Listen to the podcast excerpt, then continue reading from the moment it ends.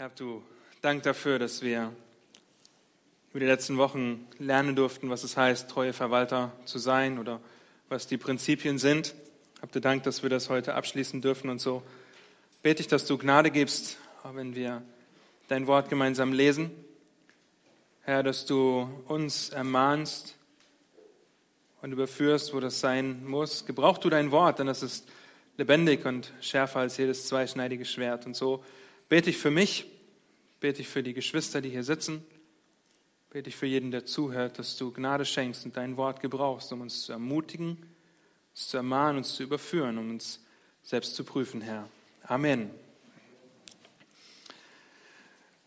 Wenn ich so auf die letzten Jahre der BGB zurückblicke, ja, ich habe meinen Fuß das erste Mal 2007 als ihr, glaube ich, gerade frisch hier eingezogen wart, äh, in die Tür gesetzt als ich Praktikum machen durfte und ähm, also einige Jahre schon. Wenn ich so zurückblicke, dann haben wir innerhalb der Gemeinde von Geschwistern aus der Gemeinde äh, noch nicht so viele Beerdigungen gehabt. Okay, Fakt ist, ich erinnere mich an zwei und Tatsache ist, oder tatsächlich, als ich so nachgeschaut habe, ist, dass die meisten von uns erinnern sich wahrscheinlich an Nina. Ja, und Ninas Todestag jährt sich morgen zum dritten Mal tatsächlich. Ja, und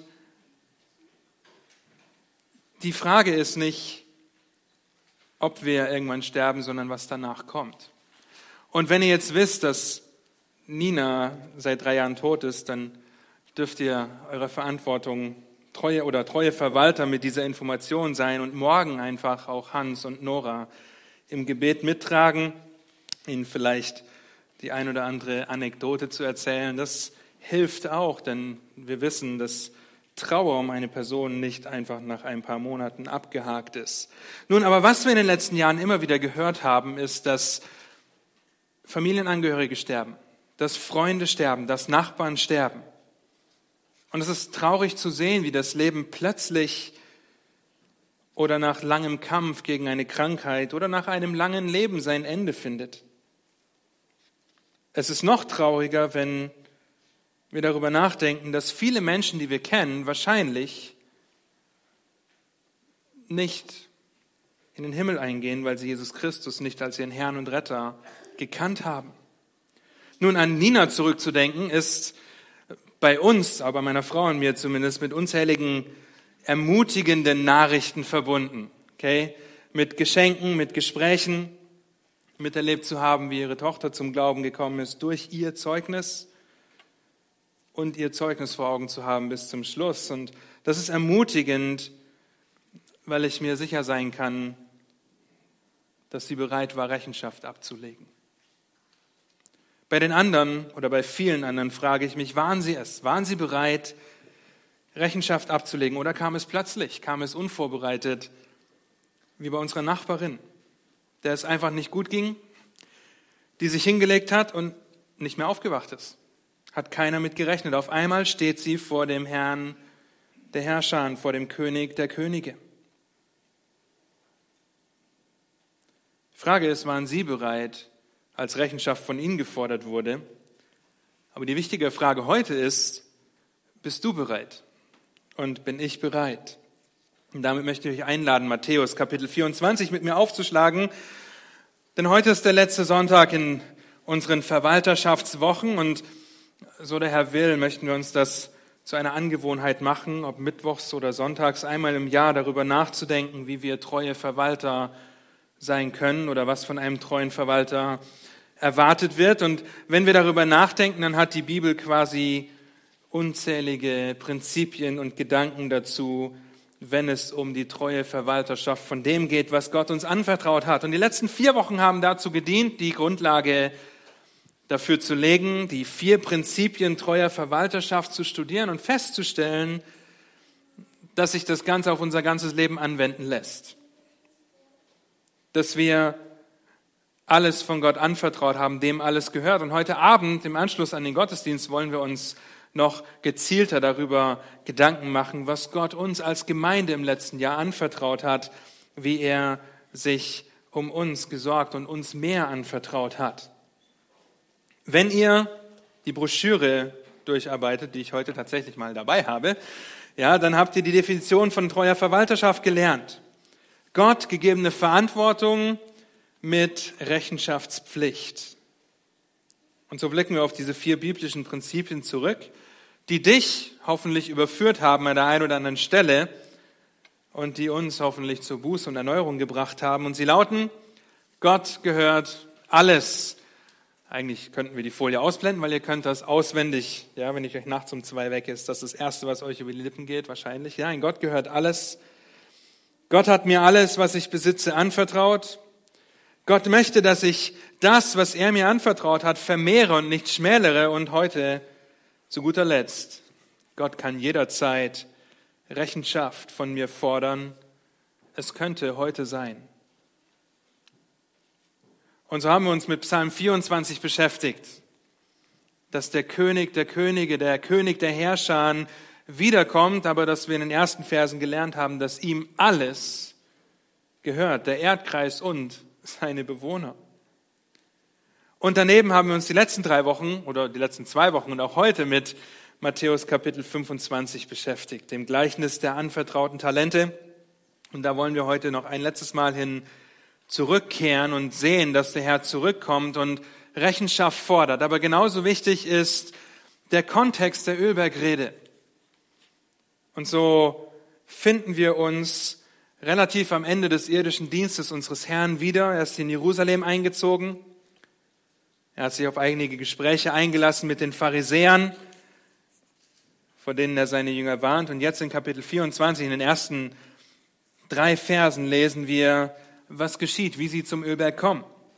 Und Jesus trat hinaus, heißt es in 24, Vers 1, und ging vom Tempel weg, und seine Jünger kamen herzu, um ihm um ihm die Gebäude des Tempels zu zeigen. Jesus aber sprach zu ihm, seht ihr nicht dies alles? Wahrlich, ich sage euch, hier wird kein Stein auf dem anderen bleiben, der nicht abgebrochen wird. Als er aber auf dem Ölberg saß, traten die Jünger allein zu ihm und sprachen, Sage uns, wann wird dies geschehen und was wird das Zeichen deiner Wiederkunft und des Endes der Weltzeit sein? Also verlassen Jesus und seine Jünger den Tempel, verlassen Jerusalem, gehen auf den Ölberg östlich von Jerusalem, ein Berg, von dem man aus, von dem aus man den Tempel gesehen hat, den Tempelberg. Es ist der Berg, von dem aus Jesus in Jerusalem eingezogen ist. Es ist der Berg, an dem sich Jesus in der Nacht, in der verraten wird, aufhalten wird. Und es ist der Berg letztendlich, auf dem er in den Himmel gefahren ist. Also ein bedeutender Berg, der Ölberg. Ja, und diese Abhandlung, die würde sich jetzt in die Offenbarung und auch in das Buch Daniel einreihen. Und so wollen wir uns diese zwei Kapitel, 24 und 25 Matthäus Evangelium, kurz anschauen und einen Überblick verschaffen. Und so lasst uns die Verse 4 bis 17 gemeinsam lesen. In Kapitel 24, da ist es, und Jesus antwortete und sprach zu ihnen, habt Acht, dass euch niemand verführt. Denn viele werden unter meinem Namen kommen und sagen, ich bin der Christus, und sie werden viele verführen. Ihr werdet aber von Kriegen und Kriegsgerüchten hören. Habt Acht, erschreckt nicht, denn dies alles muss geschehen, aber es ist noch nicht das Ende. Denn, die, denn ein Heidenvolk wird sich gegen das andere erheben und ein Königreich gegen das andere, und es wird hier und dort Hungersnöte, Seuchen und Erdbeben geben. Dies alles ist der Anfang der Wehen. Dann wird man auch, dann wird man euch der Drangsalpreis geben und euch töten und ihr werdet gehasst sein von allen Heidenvölkern um meines Namens willen und dann werden viele Anstoß nehmen, einander verraten und einander hassen.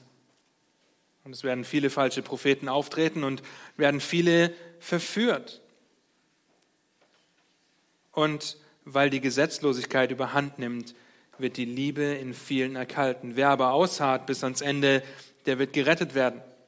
Und dieses Evangelium vom Reich wird in der ganzen Welt verkündigt werden zum Zeugnis für alle Heidenvölker und dann wird das Ende kommen. Nun, dieser Text birgt viele Herausforderungen und allein dieser Text wird uns eine ganze Weile beschäftigen. Deshalb nur ein Highlight hier, Vers 14 Das Evangelium, die gute Botschaft Gottes wird in die ganze Welt getragen, wird verkündigt. Nun, was ist das Evangelium? Das Evangelium ist die gute Nachricht vom Tod, der Grablegung und der Auferstehung Jesu Christi. Er ist für Sünder gestorben und es war von Anfang an seine Mission, zu retten, sein Leben zu lassen als Lösegeld für viele, für jeden, der glaubt. Und diese Mission hat Auswirkungen bis heute. Ja, wenn wir zurückblicken, dann sehen wir, wie der Herr auch seiner Gemeinde hier vor Ort, der Bibelgemeinde Berlin, Leute hinzufügt. Wie wir durch Mitgliedschaftsklassen gehen und einfach sehen, wie Gott hinzufügt, wie Gott rettet. Und dass diese Mission Auswirkungen hat bis heute, das seht ihr, wenn ihr nach rechts und links schaut und eure Geschwister anschaut und seht, wie sie oder vielleicht sogar wisst, wie sie zum Glauben gekommen sind, was ihr Zeugnis der Errettung ist. Aber nicht nur die Geschwister, die rechts und links von uns sitzen, sondern auch die unzähligen Geschwister und Gläubigen, die Christus jetzt schon von Angesicht zu Angesicht sehen, sind ein Beweis dafür, dass Jesu Mission, das Evangelium in aller Welt zu verkündigen, ein wunderbares Zeugnis ist. Nun, einige Verse weiter, in Kapitel 24, kommt er tatsächlich zu der Antwort. Wir überspringen ein paar Verse und gehen zu Vers 36. Ja, hier dazwischen kommt die Drangsal und wir sehen das Evangelium, das verkündigt wird und manche könnten meinen, okay, man könnte hier verschiedene Positionen reinlesen. Wir denken, dass Jesus Christus sichtbar wiederkommt nach der Trübsalzeit. Dazu dürft ihr auch an unserem Seminar, unserer Tagung Lebendige Hoffnung teilnehmen. Da werden wir im Detail darauf eingehen. Aber jetzt kommt er zu der Antwort auf die Frage der Jünger in Vers 3. Okay, die fragen, wann wird das sein? Wann wirst du wiederkommen? Vers 36. Um jenen Tag aber und die Stunde weiß niemand, auch die Engel im Himmel nicht, sondern allein mein Vater. Wie es aber in den Tagen Noahs war, so wird es auch bei der Wiederkunft des Menschensohnes sein. Denn wie sie in den Tagen Noahs vor der Sintflut aßen und tranken und heirateten und verheirateten, bis zu dem Tag, als Noah in die Arche ging und nichts merkten, bis die Sintflut kam und sie alle dahin raffte, so wird auch die Wiederkunft des Menschensohnes sein. Dann werden zwei auf dem Feld sein. Der eine wird genommen, der andere wird zurückgelassen. Zwei werden auf der Mühle mahlen. Der eine wird genommen, der andere wird zurückgelassen. Was ist die Antwort? Wann der Herr wiederkommt? Keiner weiß es. Niemand weiß es. Und so fährt er fort. Und der wiederkehrende Chorus ist, seid wachsam, seid bereit. Vers 42. So wacht nun, da ihr nicht wisst, in welcher Stunde euer Herr kommt. Das aber erkennt, wenn der Hausherr wüsste, in welcher Nachtstunde der Dieb käme, so würde er wohl wachen und nicht in sein Haus einbrechen lassen. Darum seid auch ihr bereit, denn der Sohn des Menschen kommt zu seiner Stunde, da ihr es nicht meint. Wer ist nun der treue und kluge Sklave, den sein Herr über seine Dienerschaft gesetzt hat, damit er ihnen die Speise gibt zur rechten Zeit? Glückselig ist jener Knecht oder jener Sklave, der sein Herr, wenn er wiederkommt, bei solchem Tun finden wird. Das heißt, die, was Jesus seinen Jüngern versucht zu sagen ist, dass es nicht so sehr die Frage ist, wann das passiert, sondern dass es passiert und dass wir darauf vorbereitet sein sollen, dass seine Jünger darauf vorbereitet sein sollen, dass Jesus wiederkommt. Dann Kapitel 25. Die Verse 14 bis 30 haben uns die letzten zwei Wochen schon beschäftigt, aber die Verse 1 bis 13 sind wichtig, weil sie die Erwartungshaltung aufzeigen. Die tragische Geschichte der fünf Jungfrauen, die nicht bereit waren. 25 Vers 1. Dann wird das Reich der Himmel zehn Jungfrauen gleichen, die ihre Lampen nahmen und dem Bräutigam entgegengingen. Fünf von ihnen aber waren klug und fünf töricht. Die Törichten nahmen zwar ihre Lampen, aber sie nahmen kein Öl mit sich. Die Klugen aber nahmen Öl in ihren Gefäßen mitsamt ihren Lampen. Als nun der Bräutigam auf sich warten ließ, wurden sie alle schläfrig und schliefen ein. Um Mitternacht aber entstand ein Geschrei. Siehe, der Bräutigam kommt! Geht aus, ihm entgegen! Da erwachten alle jene Jungfrauen und machten ihre Lampen bereit. Die Törichten aber sprachen zu den Klugen, gebt uns von eurem Öl, denn unsere Lampen erlöschen. Aber die Klugen antworteten und sprachen, nein, es würde nicht reichen für uns und für euch, geht doch vielmehr hin zu den Händlern und kauft es euch selbst.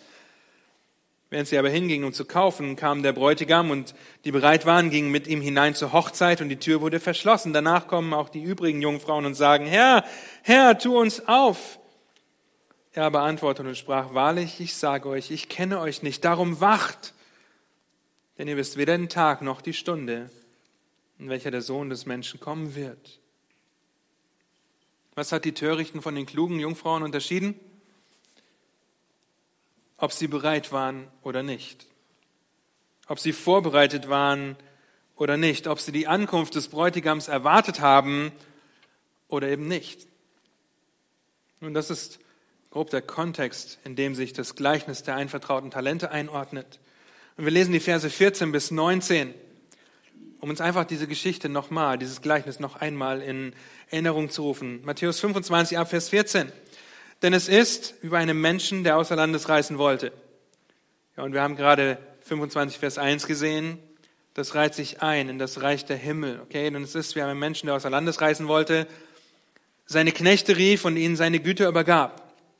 Dem einen gab er fünf Talente, dem anderen zwei, dem dritten eins, jedem nach seiner Kraft, und er reiste ab. Sogleich ging der hin, welcher die fünf Talente empfangen hatte, handelte mit ihnen und gewann fünf weitere Talente. Und ebenso der, welcher die zwei Talente empfangen hatte, auch er gewann zwei weitere. Aber, aber der, welcher das eine empfangen hatte, ging hin, grub die Erde auf und verbarg das Geld seines Herrn. Nach langer Zeit aber kommt der Herr dieser Knechte und hält Abrechnung mit ihnen bis hierher. Und wir wollen uns die Frage stellen, bist du bereit, Rechenschaft abzulegen? Denn Gott kann jederzeit Rechenschaft von uns fordern.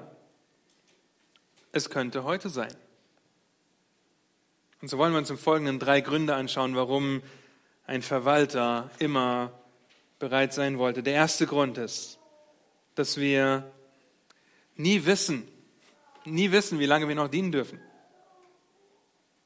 Das ist der Punkt in dem Gleichnis. Wir haben etwas anvertraut bekommen, wir sollen es treu verwalten, aber wir haben keine Ahnung, wie lange. Nach langer Zeit, da steht nicht nach einer kurzen Zeit oder nach zwei Wochen, wir wissen es nicht. Wir haben keine Ahnung, wann Gott Rechenschaft von uns fordern wird. Nehmt zum Beispiel Jim Elliot und seine Freunde, die als Missionare nach Ecuador gegangen sind, die viel dort mit dem Flugzeug das Land erkundet haben, Geschenke runtergeschmissen haben, um die Ureinwohner ein bisschen zu besänftigen. Nun, beim ersten Versuch, Kontakt mit ihnen aufzunehmen, direkten Kontakt, als sie das Land betraten, wurden sie von den Ureinwohnern ermordet.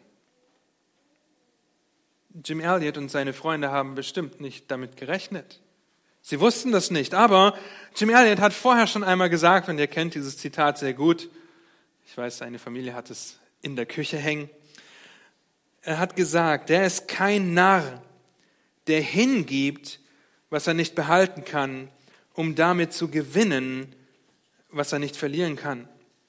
Der ist kein Narr, der nicht hingibt, was er nicht behalten kann, um damit zu gewinnen, was er nicht verlieren kann. Was für ein weises Zitat. Keiner weiß, wann der Herr kommt, aber wir sollten treu sein und das hingeben, was wir sowieso nicht behalten können, um zu gewinnen, was wir nicht verlieren können. Wir wissen nicht, wann der Herr kommt und uns zu sich holt oder uns zu sich holt. Die Jünger Jesu haben Jesus aber nicht nur einmal gefragt, okay, wann dieser Zeitpunkt ist. Und wenn wir diesen Zeitpunkt kennen würden, dann würden wir vielleicht sagen, oh, wie schön wäre das. Vielleicht. Vielleicht wäre es aber auch sehr gefährlich, wenn wir diesen Zeitpunkt kennen würden, weil wir uns auf die faule Haut legen könnten und einfach sagen könnten, okay, der Herr kommt in drei Monaten wieder und in zwei Monaten und 28 Tagen fange ich an, meine Talente treu einzusetzen. Kurz vor der Ankunft das Anvertraute sorgfältig und treu zu verwalten. Nun, das ist nicht der Sinn und der Zweck treuer Verwalterschaft. Ja, es wäre einfach, vielleicht vorbereitet zu sein. Sag mir einfach, wann ich fertig sein muss. Und dann werde ich soweit sein und dann ist alles gut. Nun, vielleicht erinnert ihr euch an eure Schulzeit oder ihr seid gerade in der Schulzeit. Ja, vielleicht erinnert ihr euch an unangekündigte Klausuren. Also Vokabeltests oder sonstiges.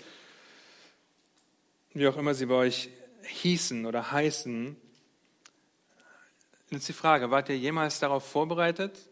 Vielleicht, ich war es nie.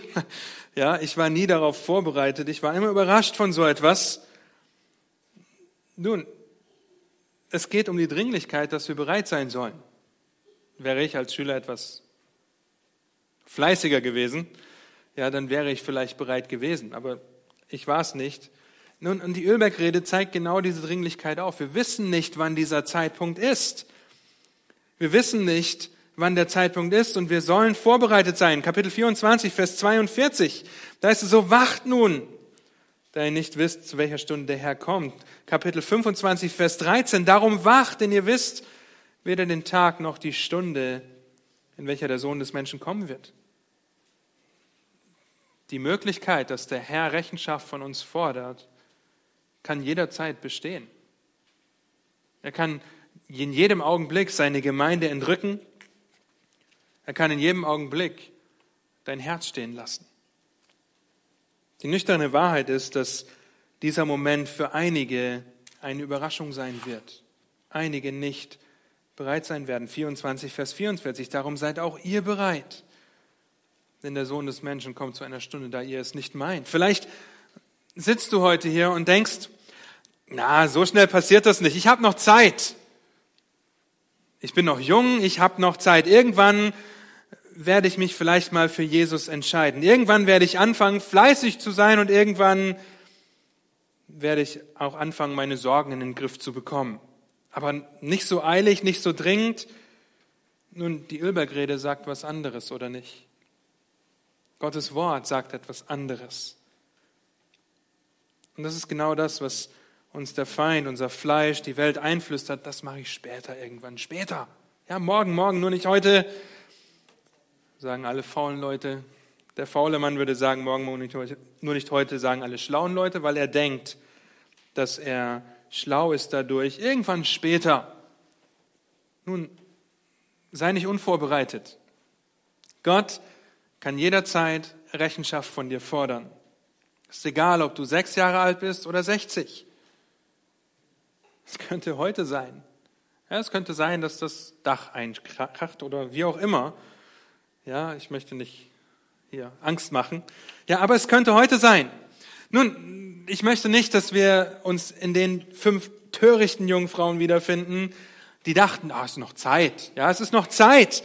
Und wenn ihr diese Broschüre durcharbeitet und darüber nachdenkt, wo euch in jedem dieser Prinzipien wiederfindet, ja, wenn ihr vielleicht sagt, oh, okay, ich habe diese Tabelle gesehen bei Tag 5 und auch bei Tag 6, dass ich Bereiche habe. Ich, Sam hat uns die Hausaufgabe gegeben, 50 Bereiche zu überlegen, die Gott uns anvertraut hat. Naja, die Bereiche sind mir alle eingefallen. Ja, ich sehe, wo ich vielleicht treuer sein muss, aber es hat noch Zeit, bis ich damit anfange. Nun, es hat keine Zeit. Wir sollen alle Zeit bereit sein. Wir sollen treu sein. Und so, wenn ihr versucht, die nächsten Monate oder vielleicht euch schon hinsetzt, um das nächste Jahr zu planen, dann könnt ihr euch folgende zwei Fragen stellen. Wie stehe ich da, wenn heute Rechenschaft von mir gefordert wird? Oder wie stehe ich da, wenn vor Ende diesen Jahres Rechenschaft von mir gefordert wird. Ich hoffe, ihr versteht die Dringlichkeit. Die Frage ist, bist du bereit? Und das sollte dich besonders beschäftigen, wenn du dein Vertrauen und deinen Glauben noch nicht auf den Herrn Jesus Christus als deinen Herrn und Retter gesetzt hast. Wenn du bis jetzt noch nicht daran glaubst, dass du mit leeren Händen vor Gott stehen wirst und nichts dazu beitragen kannst, warum er auch nur ansatzweise dich in den Himmel lassen sollte. Er wird kein Auge zudrücken. Er wird das nicht dulden und weder Werke noch das Gesetz wird dich retten. Es ist dringend, denn einzig allein der Glaube an Jesus Christus, der für deine Sünden gestorben und auferstanden ist, wird dich retten. Das Wunder, von dem wir gerade gesungen haben. Und einige Verse aus dem Hebräerbrief zeigen diese Dringlichkeit auf. Hebräer 3, Vers 7 bis 8. Darum wie der Heilige Geist spricht, heute, wenn ihr seine Stimme hört, so verstockt eure Herzen nicht. Wie in der Auflehnung am Tag der Versuchung in der Wüste. Nun, das Volk Israel hat ihre Herzen verstockt. Sie werden ein halsstarrisches Volk genannt. Warum ist das so wichtig für uns heute? Warum ist das so wichtig für dich, wenn du keine lebendige Beziehung zu dem Herrn Jesus Christus hast? Nun, weil keiner von uns eine Garantie hat, morgen zu erleben. Keiner von uns hat die Garantie, morgen zu erleben. Die Frage ist, sind wir bereit dafür? Geschwister, die ihr euch als Kinder Gottes seht, weil ihr dem Herrn glaubt, seid ihr euch der Dringlichkeit bewusst, dass Gott jederzeit auch von euch Rechenschaft fordern kann. Das wird letztendlich und final durch den Tod geschehen oder die Entrückung. Aber manchmal finden wir auch Konsequenzen auf dieser Seite der Ewigkeit wieder. Denkt an Adam und Eva oder an Kain, der sofort Rechenschaft ablegen musste, wo sein Bruder ist. Nun, er war nicht gläubig, okay, das muss ich dazu sagen. Denkt an Lots Frau oder denkt an David, der schon die Konsequenzen seiner Sünde zu spüren bekommt denkt an die Gemeinde in Korinth. Wie hat Pascal immer gesagt? Die Gemeinde war nicht in Korinth, Korinth war in der Gemeinde. Nun, sie werden zurechtgewiesen. Und wir lesen, dass einige von ihnen entschlafen sind, weil sie das Mahl des Herrn zur Unehre einnahmen. Oder ein sehr bekanntes Beispiel, wo Menschen sofort zur Rechenschaft gezogen wurden, sind Ananias und Sapphira in Apostelgeschichte Kapitel 5. Und so sind wir so oft, auch als Kinder Gottes, so töricht darin, uns dessen nicht bewusst zu sein, dass jederzeit Rechenschaft von uns gefordert werden kann. Kurz könnten wir uns zum Teil wahrscheinlich mit Jakobus Kapitel 4, Vers 13 und 14 beschreiben. Wohlan nun, die ihr sagt, heute oder morgen wollen wir in die und die Stadt reisen und dort ein Jahr zubringen, Handel treiben und Gewinn machen. Und doch wisst ihr nicht, was morgen sein wird. Denn was ist euer Leben? Es ist doch nur ein Dunst, der eine kleine Zeit sichtbar ist, danach verschwindet. Darum sagt lieber, so der Herr will und will leben. Ist der Herr in deiner Gleichung, in deiner Planung für das, was du morgen, was du nächste Woche, was du nächsten Monat, was du nächstes Jahr tust, ist er mit einbezogen? Bist du ein treuer Verwalter dessen, was er dir anvertraut hat? Und so lasst es uns vermeiden, als Geschwister zu sagen, ja, ich konzentriere mich auf treue Verwalterschaft, wenn. Wenn ich mein Studium fertig habe. Wenn ich einen Job habe. Wenn ich meine Kinder großgezogen habe. Wenn sich meine Umstände ändern. Irgendwann werde ich das, was Gott mir anvertraut hat, Umstände, Situationen, Kinder und so weiter, auch mal vielleicht treu verwalten. Nun, wir wissen nicht, wie lange wir auf dieser Seite der Ewigkeit leben. Die Frage ist, bist du bereit, wenn du heute stirbst, Rechenschaft abzulegen? Denn der Tag wird kommen, in dem abgerechnet wird. Ja, Vers 19. Schaut es, nach langer Zeit aber kommt der Herr, dieser Sklaven, und hält Abrechnung mit ihnen. Und im Wörterbuch wird Abrechnung folgendermaßen definiert und ihr könnt das Manuskript nachlesen, weil das ein etwas längeres Zitat ist. Da heißt es, bei einer Abrechnung handelt es sich um eine Gegenüberstellung von Forderungen und Verpflichtungen, die innerhalb eines bestimmten Zeitraums entstanden sind. Die Abrechnung stellt die abschließende Rechnung dar, mit welcher der abzurechnende Sachverhalt für alle Geschäftspartner in vollem Umfang erledigt ist. Und ihr Lieben, solange der Herr uns noch nicht zu sich geholt hat oder wir gestorben sind, steht diese Abrechnung für uns noch aus. Diese Abrechnung, die dann im vollen Umfang erledigt sein wird, wo gesehen werden wird, ob diese Gegenüberstellungen, diese Forderungen, ob wir das treu verwaltet haben, was Gott uns anvertraut hat oder nicht. Das heißt auch, dass dieser Tag einiges offenbar machen wird. Ja, einiges offenbar machen wird und wir uns aber die Frage stellen dürfen, bin ich bereit dafür?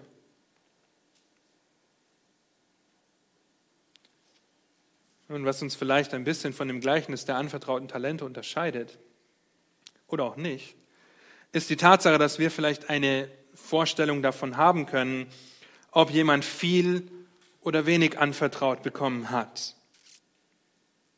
Ja, du kannst vielleicht eine Vorstellung bekommen, wenn du nach rechts und links schaust und denkst, oh, okay, die machen vielleicht ein bisschen mehr, die ein bisschen weniger oder hier, die haben da und da Herausforderungen. Nun, wir können vielleicht eine Vorstellung davon bekommen, was Gott jedem Einzelnen anvertraut hat. Aber es wird immer nur bei einer Vorstellung bleiben, wenn wir kennen nicht jede Vergangenheit. Wir kennen nicht jede Situation oder jeden Gedanken, der dein Bruder oder deine Schwester gerade aktuell jetzt beschäftigt und womit sie zu kämpfen haben, auch unter der Woche. Vielleicht wisst ihr das im Ansatz von einigen Geschwistern, aber nicht von jedem. Nun, wir sehen aber auch, dass wir nicht einmal wirklich abschätzen können, ob wir das anvertraut oder ob die Person, ja, ihr könnt jetzt nicht abschätzen, wenn ihr mich hier predigen seht, ob ich das gerade vermehre oder schmälere, was Gott mir anvertraut hat, für mich, weil ihr seht mein Herz nicht, ihr seht meine Motive nicht, meine Gedanken, meine Einstellung dem gegenüber. Ja, und so können wir genauso nach rechts und links schauen, können sehen, dass Dienste in der Gemeinde getan werden, aber wir sehen nicht, mit welcher Motivation. Wir sehen nicht, aus welchem Grund. Aber wisst ihr, wer das sieht? Der Herr. Der Herr, der jedem Sklaven, auch hier in diesem Gleichnis, das anvertraut hat, was der Knecht nach seiner Kraft treu verwalten kann. Und für manche wird dieser Tag, an dem Rechenschaft gefordert wird, ein freudiger Tag. Ein freudiger Tag, weil sie treue Verwalter waren und treue Verwalter sind. Ein freudiger Tag, weil, wenn wir ein paar Kapitel vorher lesen, dass ihnen vergeben wurde, eine unbezahlbare Schuld, dass sie sich darüber freuen dürfen, dass ihnen vergeben wurde, für andere nicht, weil ihnen nicht vergeben wurde. An dem Tag, an dem Abrechnung gehalten wird, werden die Motive unserer Handlungen offenbar. Hey, dann wird alles offen dargestellt. Gott wird das Herz und unsere Einstellung prüfen. 1. Korinther Kapitel 3, Verse 12 bis 15, da schreibt Paulus, wenn aber jemand auf diesem Grund Gold, Silber, kostbare Steine, Holz, Heu, Stroh baut, so wird das Werk eines jeden offenbar werden. Der Tag wird es zeigen, weil es durchs Feuer geoffenbart wird. Und welcher Art das Werk eines jeden ist, wird das Feuer erproben. Wenn jemand das Werk, das er darauf gebaut hat, bleibt, so wird er Lohn empfangen. Wird aber jemand das Werk verbrennen, so wird er Schaden erleiden er selbst aber wird gerettet werden, doch so wie durchs Feuer hindurch. Das bezieht sich auf gläubige Kinder Gottes. Das Preisgericht, das Bema-Gericht, der Richterstuhl Christi, an dem von uns, von jedem Gläubigen Rechenschaft gefordert wird. Aber diese Abrechnung geschieht wie durchs Feuer, wie wir gerade gelesen haben. Aber es ist nicht ein Richterstuhl in dem Sinn, dass wir als Kinder Gottes noch Verdammnis erfahren können, ja, und Verurteilung erleben dürfen, dass wir wieder von Gott getrennt werden sollten. Nein, auf keinen Fall. Es ist ein Preisgericht. Der Bema-Stuhl war der Stuhl, der quasi auf einer Rennbahn, der stand an der Stelle, wo die Sieger geehrt wurden. Und der Preisrichter hat sich darauf gesetzt, um die Preise zu verteilen für ein gelaufenes Rennen. Okay, dieser Stuhl dreht sich also um Lohn und nicht um Verurteilung. Aber dieser Stuhl zeigt auch, was in unserem Herzen ist, weil Christus die Herzen offenbar machen wird und zeigen wird, mit welcher Einstellung wir gedient haben, wie treu wir als Verwalter waren, wie wir unsere Kinder erzogen haben, wie wir gearbeitet haben, wie wir zur Gemeinde gegangen sind, wie wir Punkt, Punkt, Punkt Dort wird es offenbar. Dort werden die Motive geoffenbart, warum wir getan haben, was wir getan haben. Und sie werden entweder wie Holz, Heu und Stroh verbrennen oder wie Gold, Silber und kostbare Steine erhalten bleiben. Dort werden wir einen Lohn empfangen. Heute können wir vielleicht einen Teil dessen beurteilen, warum jemand tut, was er tut. Aber wir sehen nicht das Herz. Gott allein sieht das Herz an. Deshalb sagt Paulus, ein Kapitel später in 1. Korinther 4, Vers 5. Darum richtet nichts vor der Zeit, bis der Herr kommt, der auch das Finstere verborgen ans Licht bringt und die Absichten der Herzen offenbar machen wird. Und dann wird jedem das Lob von Gott zuteil werden. Wir sollen uns nicht als Richter aufspielen, die meinen zu wissen, wem wie viel anvertraut wurde und wie treu er damit umgeht. Nein, Gott wird das eines Tages offenbar machen. Und achtet in dem Gleichnis auch darauf, dass der Herr nicht die Menge gelobt hat. Noch einmal, es geht nicht um die Menge. Ja, du kannst nicht sagen, ja, der hat fünf Talente, ich habe nur zwei und ich kann nichts damit anfangen. Nein, es geht nicht um die Menge, es geht um die Treue. Es geht um die Treue und diese Treue, die hat man den hart arbeitenden Sklaven vielleicht nicht sofort angesehen. Ja, aber der Herr kennt ihre Treue und sieht die Treue, die durch das Vermehren deutlich wird. Gott macht das offenbar, Verborgene offenbar. Und ein Vers, den wir bei Wort im Herzen schon auswendig gelernt haben, macht es folgendermaßen deutlich. Hebräer 4, Vers 12 und 13. Vers 12, den haben wir gelernt. Ja, da geht es um das Wort Gottes, das lebendig und wirksam und schärfer ist als jedes zweischneidige Schwert und es dringt durch, bis es scheidet, sowohl Seele als auch Geist, sowohl Mark als auch Bein und es ist ein Richter der Gedanken und Gesinnungen des Herzens. Vers 13. Und kein Geschöpf ist vor ihm verborgen, sondern es ist alles enthüllt und aufgedeckt vor den Augen dessen, dem wir, was? Rechenschaft zu geben haben. Was ist Rechenschaft? Oder was ist treue Verwaltung? Etwas von Gott anvertrautes mit Rechenschaft zurückzugeben. Nun, ebenfalls eines der Werke der Motive und der Einstellung sehen wir in der Einstellung des dritten Sklaven in unserem Gleichnis, der für seine Werke, für seine nichtsnutzigen Werke bestraft wird. Du böser und fauler Knecht, heißt in Vers 26 und Vers 30 heißt es, er wird in die Finsternis geworfen. Wir sehen, dass es für Ungläubige, für dich, wenn du nicht glaubst, dass Jesus Christus am Kreuz für deine Sünde gestorben und auferstanden ist, auch ein Gericht geben wird. Aber es ist kein Preisgericht, sondern es ist ein verurteilendes Gericht. Römer 2, Vers 5 und 6 heißt es, aufgrund deiner Verstocktheit und deines unbußfertigen Herzens häufst du dir selbst Zorn auf für den Tag des Zorns und der Offenbarung des gerechten Gottes, der jedem vergelten wird nach seinen Werken. Und weiter unten in Römer 2 heißt es, alle nämlich, die ohne Gesetz gesündigt haben, werden auch ohne Gesetz verloren gehen. Und alle, die unter dem Gesetz gesündigt haben, werden durch das Gesetz verurteilt werden. An dem Tag, da Gott das Verborgene der Menschen durch Jesus Christus richten wird, nach meinem Evangelium. Bist du bereit, wenn mit dir Abrechnung gehalten wird und von dir Rechenschaft für das gefordert wird, was Gott dir anvertraut hat? Und das ist nicht weniger als alles.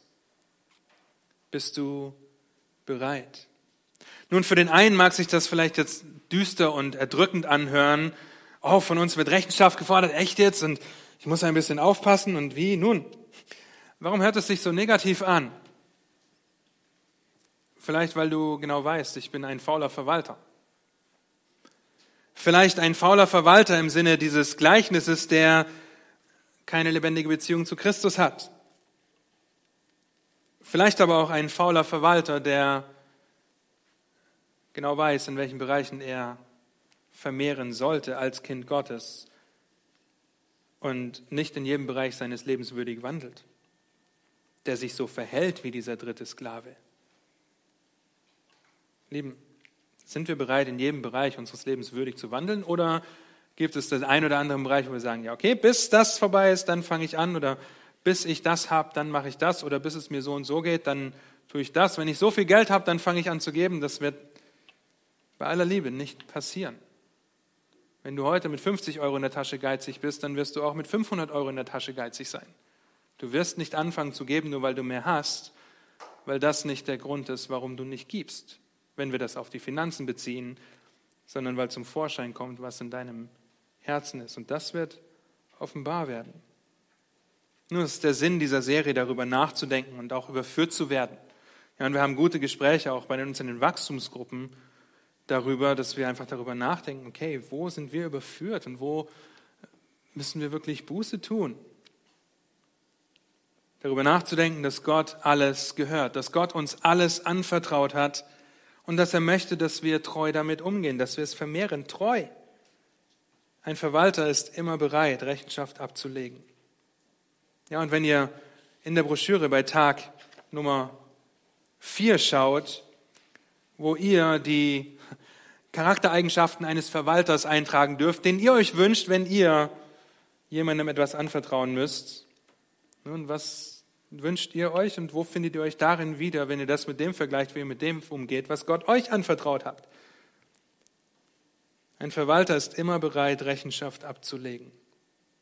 Und vielleicht hilft dir eine Rechenschaft unter Freunden und Geschwistern jetzt schon, weil du in einem Bereich deines Lebens kämpfst, mit Pornografie, mit Wut, mit Sorgen, mit Verzweiflung und so weiter. Und du weißt, meine Geschwister ziehen mich zur Rechenschaft, fragen mich, wie es mir geht, aber auch hier, das ist gut und das hat seinen Platz.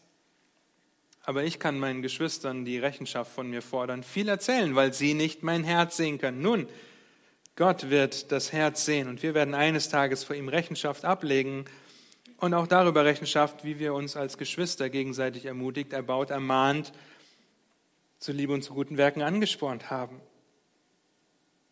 Eines Tages vor dem König der Herrlichkeit, Psalm 24, vor dem König der Herrscharen werden wir Rechenschaft ablegen. Ihr habt das jetzt oft genug gehört. Ja? Die Frage ist, erweisen wir uns als tugendhaft, dass wir auf dem Berg anbeten dürfen oder nicht? Lest euch Psalm 24 noch einmal durch und prüft euch selbst. Gerade haben wir 1. Korinther 3 gelesen, dass alles offenbar werden wird, wie durchs Feuer. Und was wird, was wird bei dir und was wird bei mir, was wird aufgrund deiner Beziehung zum Herrn Jesus Christus und deiner Einstellung, ihn und deinen Nächsten zu lieben, bestehen bleiben? Was wird verbrennen, weil du die falsche Motivation, die falsche Theologie oder das falsche Denken dahinter hattest? Und wir können wie durchs Feuer gerettet werden. Eine andere Stelle findet in 1. Johannes 2, Vers 28. Da heißt es, und nun, Kinder, bleibt in ihm, damit wir Freimütigkeit haben, wenn er erscheint und uns nicht schämen müssen vor ihm bei seiner Wiederkunft. Wenn du weißt, dass Gott dir alles anvertraut hat, dazu gehört jede Situation, und du gehst nicht treu damit um und bist ein Kind Gottes, dann wirst du mit Scham in das Himmelreich eingehen, wie durchs Feuer gerettet. Und das ist mein großes Anliegen, dass wir das verstehen. Dass wir verstehen, dass hier mit Sicherheit einige sitzen, die weder durchs Feuer noch mit Scham in das ewige Leben eingehen die diese Worte hören und die diese Worte hören werden, die unser Herr in Matthäus 25, Vers 12 und Vers 30 sagt. 25, 12. Er aber antwortete und sprach, wahrlich, ich sage euch, ich kenne euch nicht. Vers 30, und den unnützen Knecht werft hinaus in die äußerste Finsternis. Dort wird heulen und Zähneknirschen sein. Wenn du hier sitzt ist mir egal, wie alt du bist, wie jung du bist. Und es keinen Moment in deinem Leben gibt, wo Jesus Christus, wo du deine Sünde bekannt hast und Jesus Christus als dein Herrn und Retter angenommen hast, indem du zum Beispiel gesagt hast, Herr, ich bin ein Sünder, der deinen gerechten Zorn und deine gerechte Strafe verdient. Nur du kannst mich retten. Jesus sei mein Herr und Retter. Wenn du dir dessen nicht bewusst bist, dann wirst du an dem Tag, an dem Rechenschaft von dir gefordert wird, genau diese gerade gelesenen Worte hören. Egal wie alt oder jung du bist. Und es geht noch weiter. Kapitel 25, Vers 41 bis 46 zeigt unser Herr auf, dass eine Gleichgültigkeit ein Indiz dafür ist, dass es uns einfach egal ist. Ich habe keine Bereitschaft, darüber überhaupt nachzudenken. Vers 41. Dann wird er auch zu den Linken sagen, geht hinweg von mir, ihr Verfluchten, in das ewige Feuer, das dem Teufel und seinen Engeln bereitet ist. Denn ich bin hungrig gewesen und ihr habt mir nicht, mich nicht gespeist. Ich bin durstig gewesen und ihr habt mir nicht zu trinken gegeben. Ich bin ein Fremdling gewesen und ihr habt mich nicht beherbergt, ohne Kleidung und ihr habt mich nicht bekleidet, krank und gefangen und ihr habt mich nicht besucht. Dann werden auch sie ihm antworten und sagen, Herr, wann haben wir dich hungrig oder durstig oder als Fremdling oder ohne Kleidung oder krank oder gefangen gesehen und haben dir nicht gedient? Dann wird der Herr ihnen antworten, wahrlich, ich sage euch, was ihr diesem, einem dieser Geringsten nicht getan habt, das habt ihr mir nicht getan. Und sie werden in die ewige Strafe hingehen, die Gerechten aber in das ewige Leben. Und wenn du zu dieser ersten Kategorie gehörst, dass du weißt, es gibt diesen Moment nicht in meinem Leben, und ich weiß, wenn ich vor Gott erscheine, ob heute, ob morgen, ob nächstes Jahr, nächsten Monat, ich werde die Worte hören, ich kenne dich nicht, dann tue Buße und glaube dem Evangelium. Tu Buße und glaube dem Evangelium, denn es ist entweder eine ewige Strafe oder ewiges Leben. Ich bin mir aber auch sicher, dass hier zweitens einige sitzen, die wie durchs Feuer gerettet werden.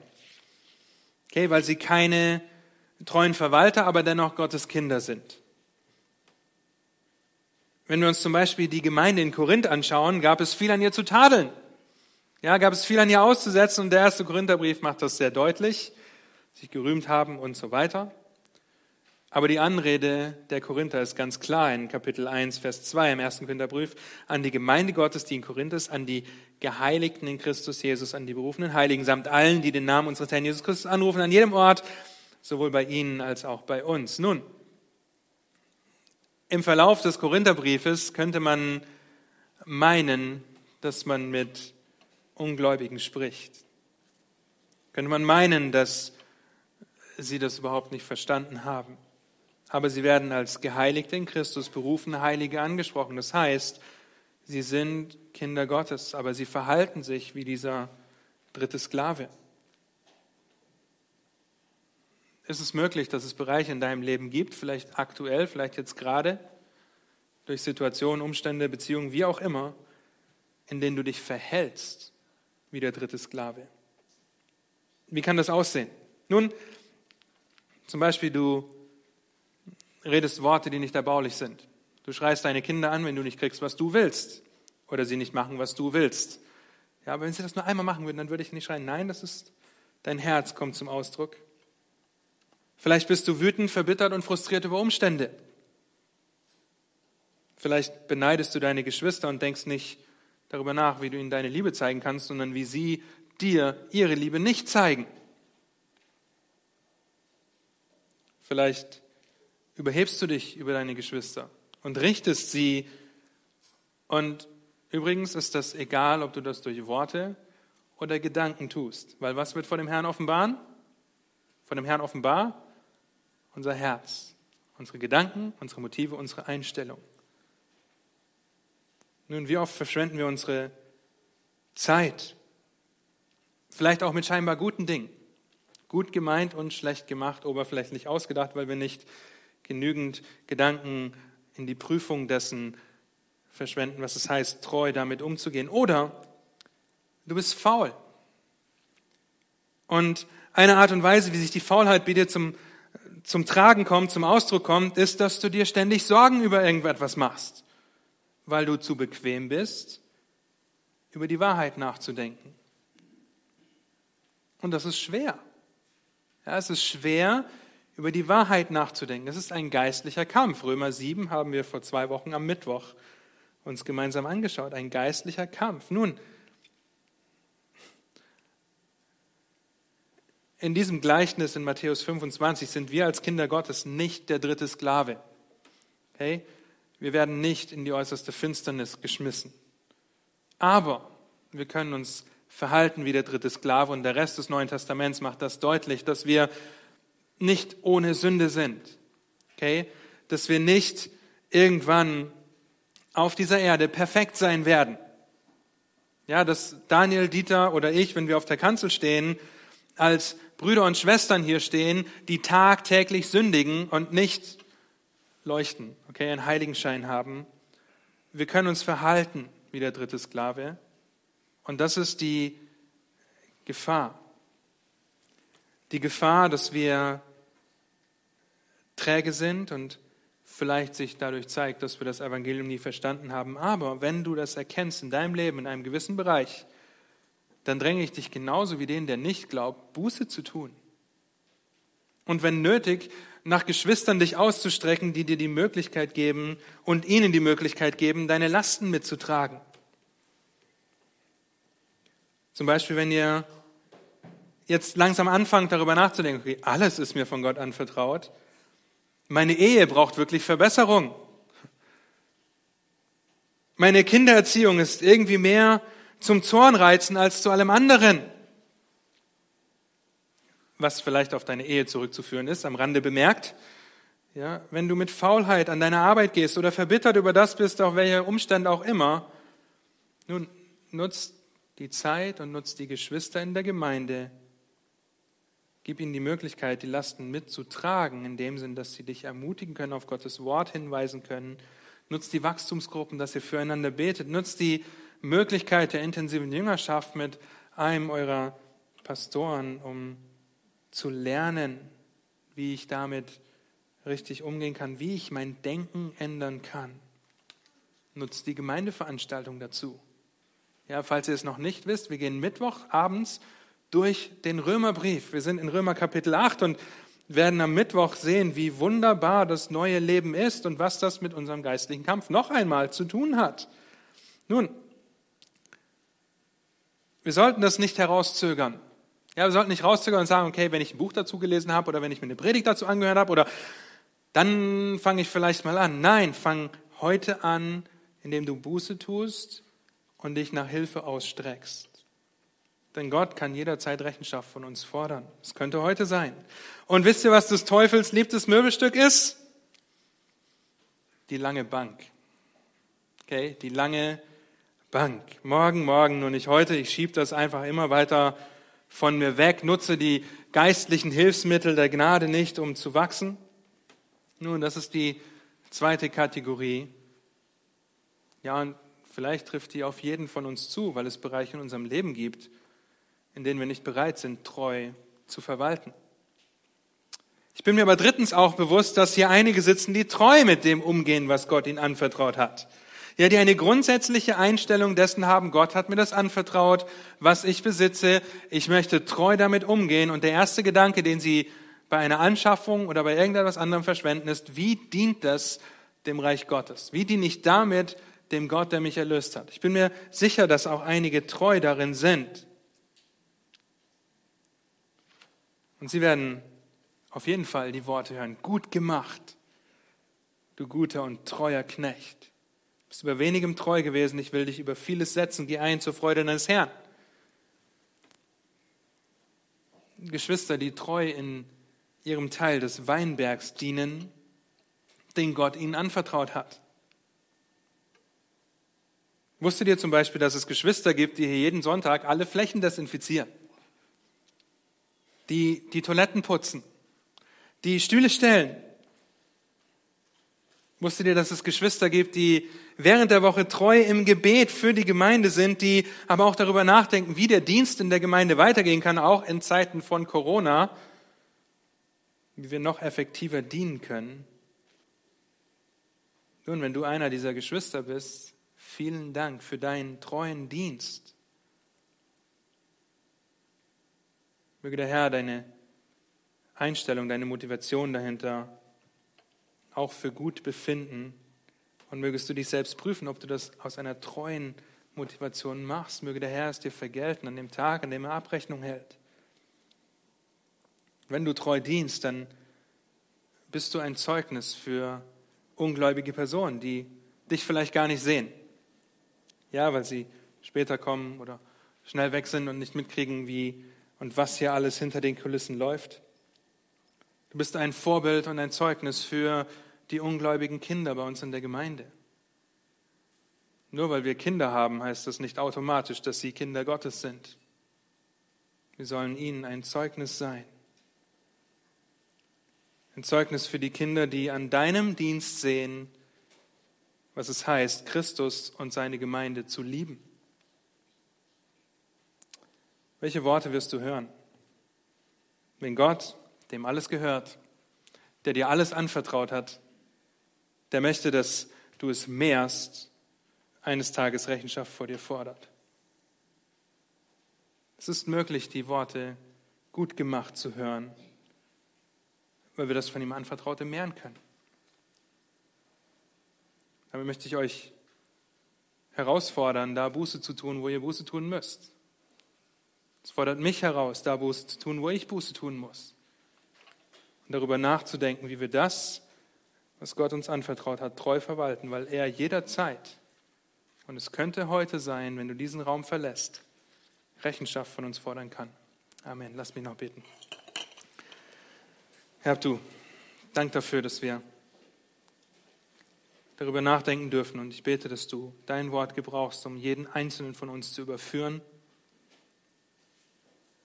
um zu überführen von der Sünde, wenn jemand hier sitzt, der dich noch nicht als sein Herrn und Retter anerkannt und bezeugt hat und dich auch als sein Herrn annimmt und nach dem lebt, was dein Wort sagt.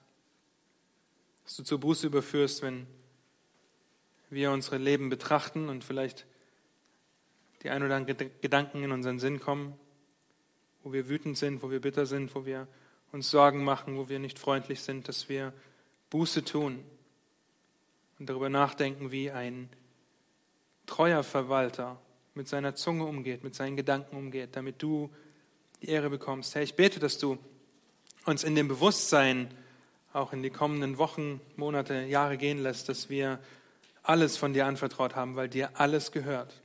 Und so sei dir allein die Ehre für alles zu deiner Verherrlichung, Herr. Amen.